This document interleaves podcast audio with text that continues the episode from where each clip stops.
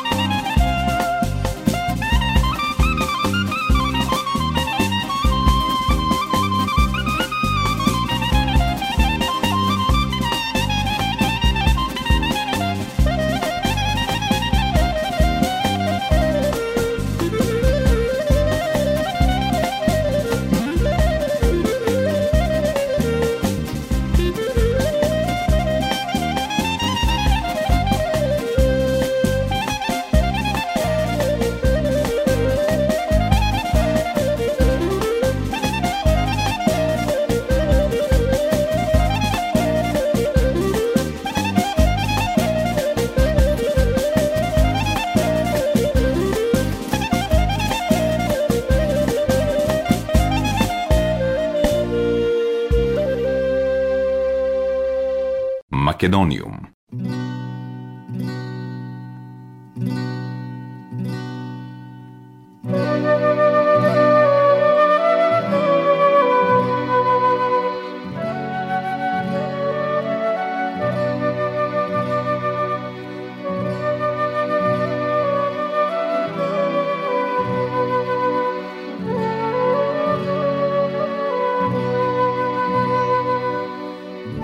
Добар ден и добре дојдовте во најновото издание на емисијата Македонијум. Со вас, почитувани слушатели, е вашиот уредник и водител Јулијана Милутиновиќ.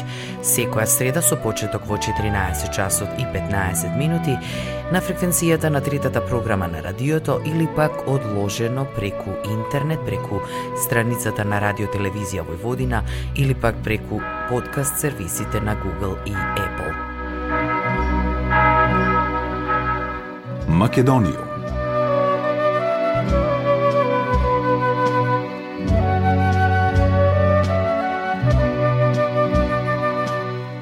Наградата Борисов Станковиќ на 43-тиот интернационален театарски фестивал Борини позоришни дани за најдобра машка улога му се доделува на Никола Ристановски за ликот на доктор Томас Стокман во представата Народен непријател на Хенрик Ибзен во режија на Нина Николиќ, а во продукција на Македонскиот народен театар од Скопје.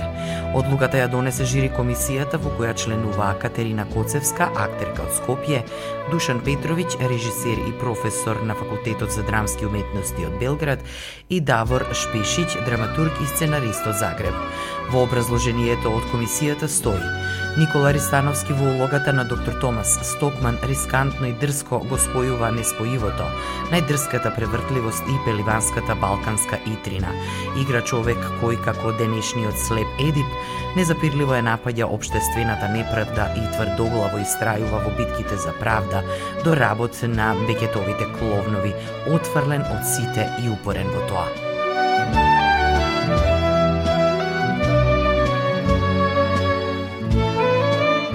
Macedonium.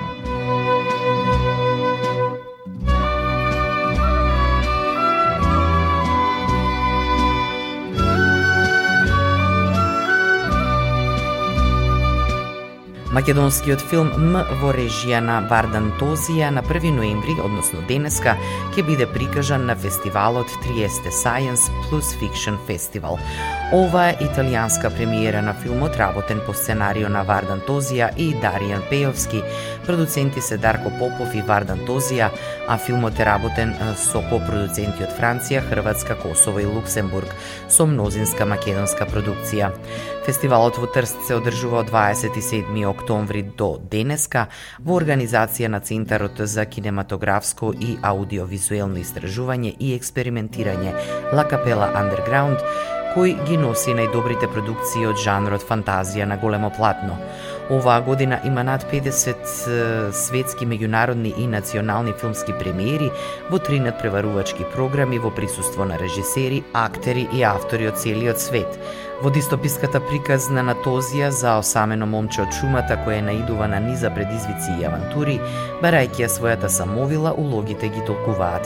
Матеј Сиваков, Сашко Коцев, Александар Ничовски, Камка Туциновски, Бојана Грегорич Везовиќ, Верица Нидеска, Владимир Тулиев, Оливер Митковски, Мирослав Петковиќ, Жаклина Петровска, Благоја Веселинов, Борис Дамовски, Јасмина Билаловиќ, Михајло Миленковски и Тони Михајловски.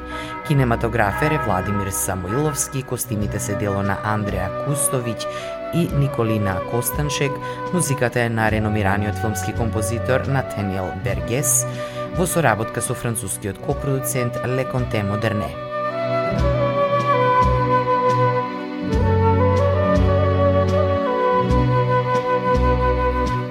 Македониум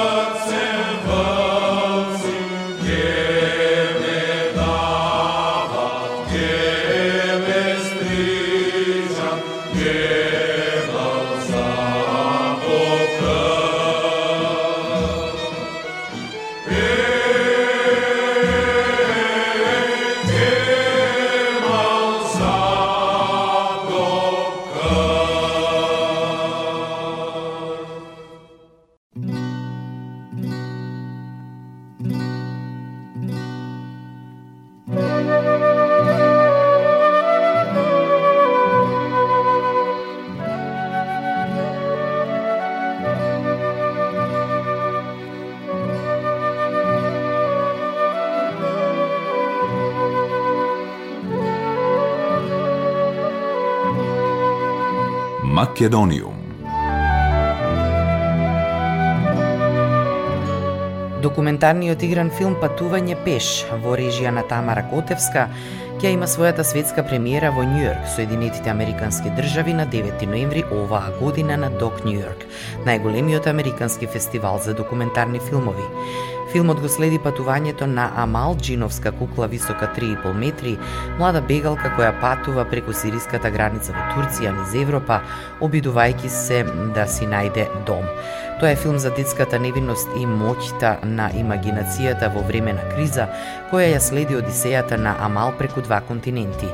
Фида Зидан од Палестина и Мојајат Моин од Сирија се двајцата исклучително талентирани актери кои се дел од овој проект, а ја делат истата судбина како огромен број бегалци кои изгубиле се, вклучувајќи ги своите домови и фамилии, но продолжуваат да бараат за солниште. Во моментов во светот има над 35 милиони бегалци, од кои 14 милиони се деца, а повеќето од нив сирачиња, во чија чест джиновската кукла Амал активно се движи низ светот со својот патувачки театар.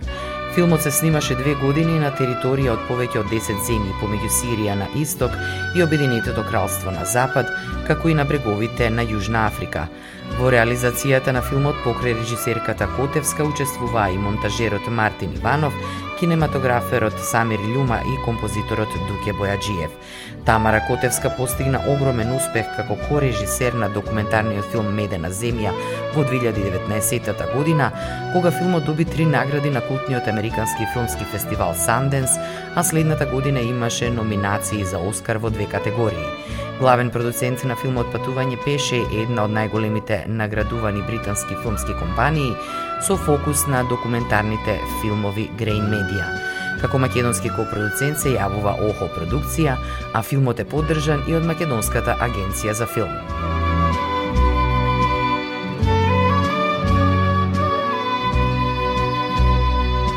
Македониум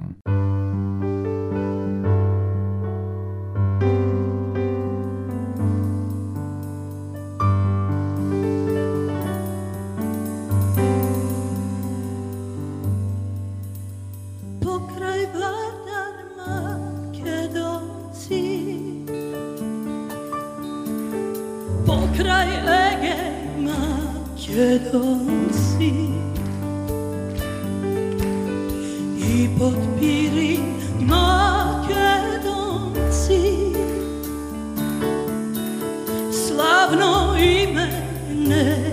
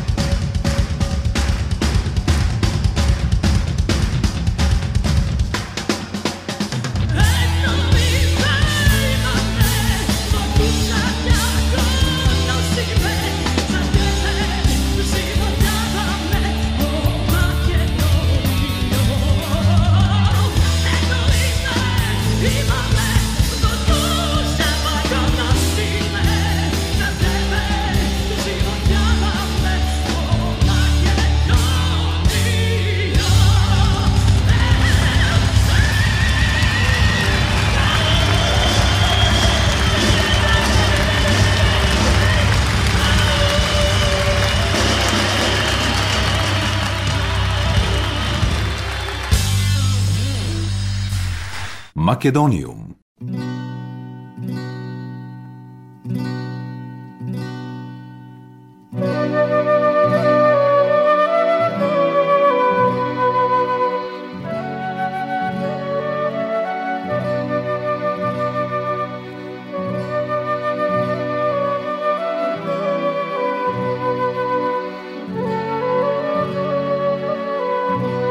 Македониум.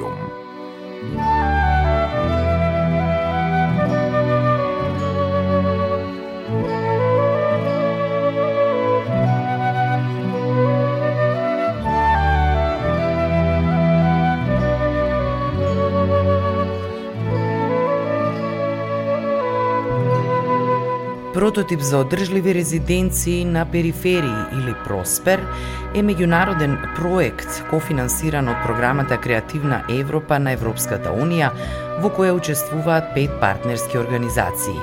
Луп од Грција, Ехо Анимато од Србија, Ојун од Германија, Перипетија продукција и ЛДА Струга од Македонија. Проспер има за цел зајакнување на меѓународната културна соработка и методологиите за интегрирање на еколошките прашања во уметничките практики, градење на посилна врска меѓу уметноста и туризмот, развој на нова глобална публика, како и локална публика и зајакнување на видливоста на европските уметници. Во рамките на целиот овој проект ќе бидат реализирани резиденции, фестивали, копродукции, изложби, публикации, работилници, обуки и презентации. Од 1 април до 30 април следната година е планирана меѓународна резиденција во Охрид, чиј приоритет е истражување на еколошките предизвици со кои се соочуваат Охридското езеро и населените места во неговата близина. За таа цел се поканети уметници, дизајнери, истражувачи и културни работници да се пријават за учество.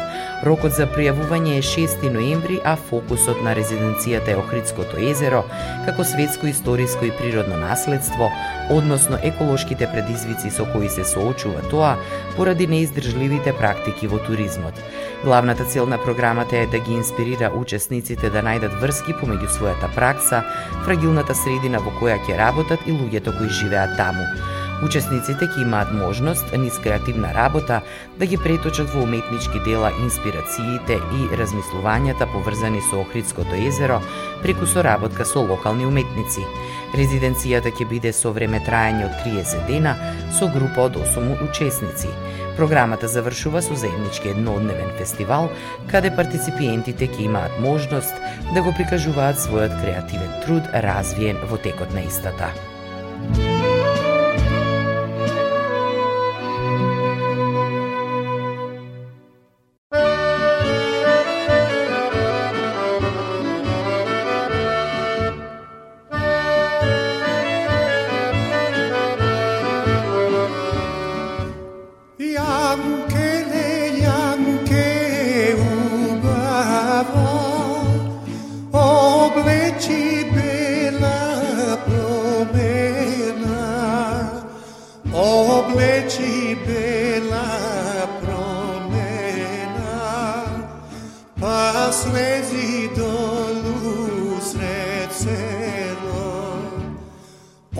Obleci bela promena, pa slezi dolu sred selo.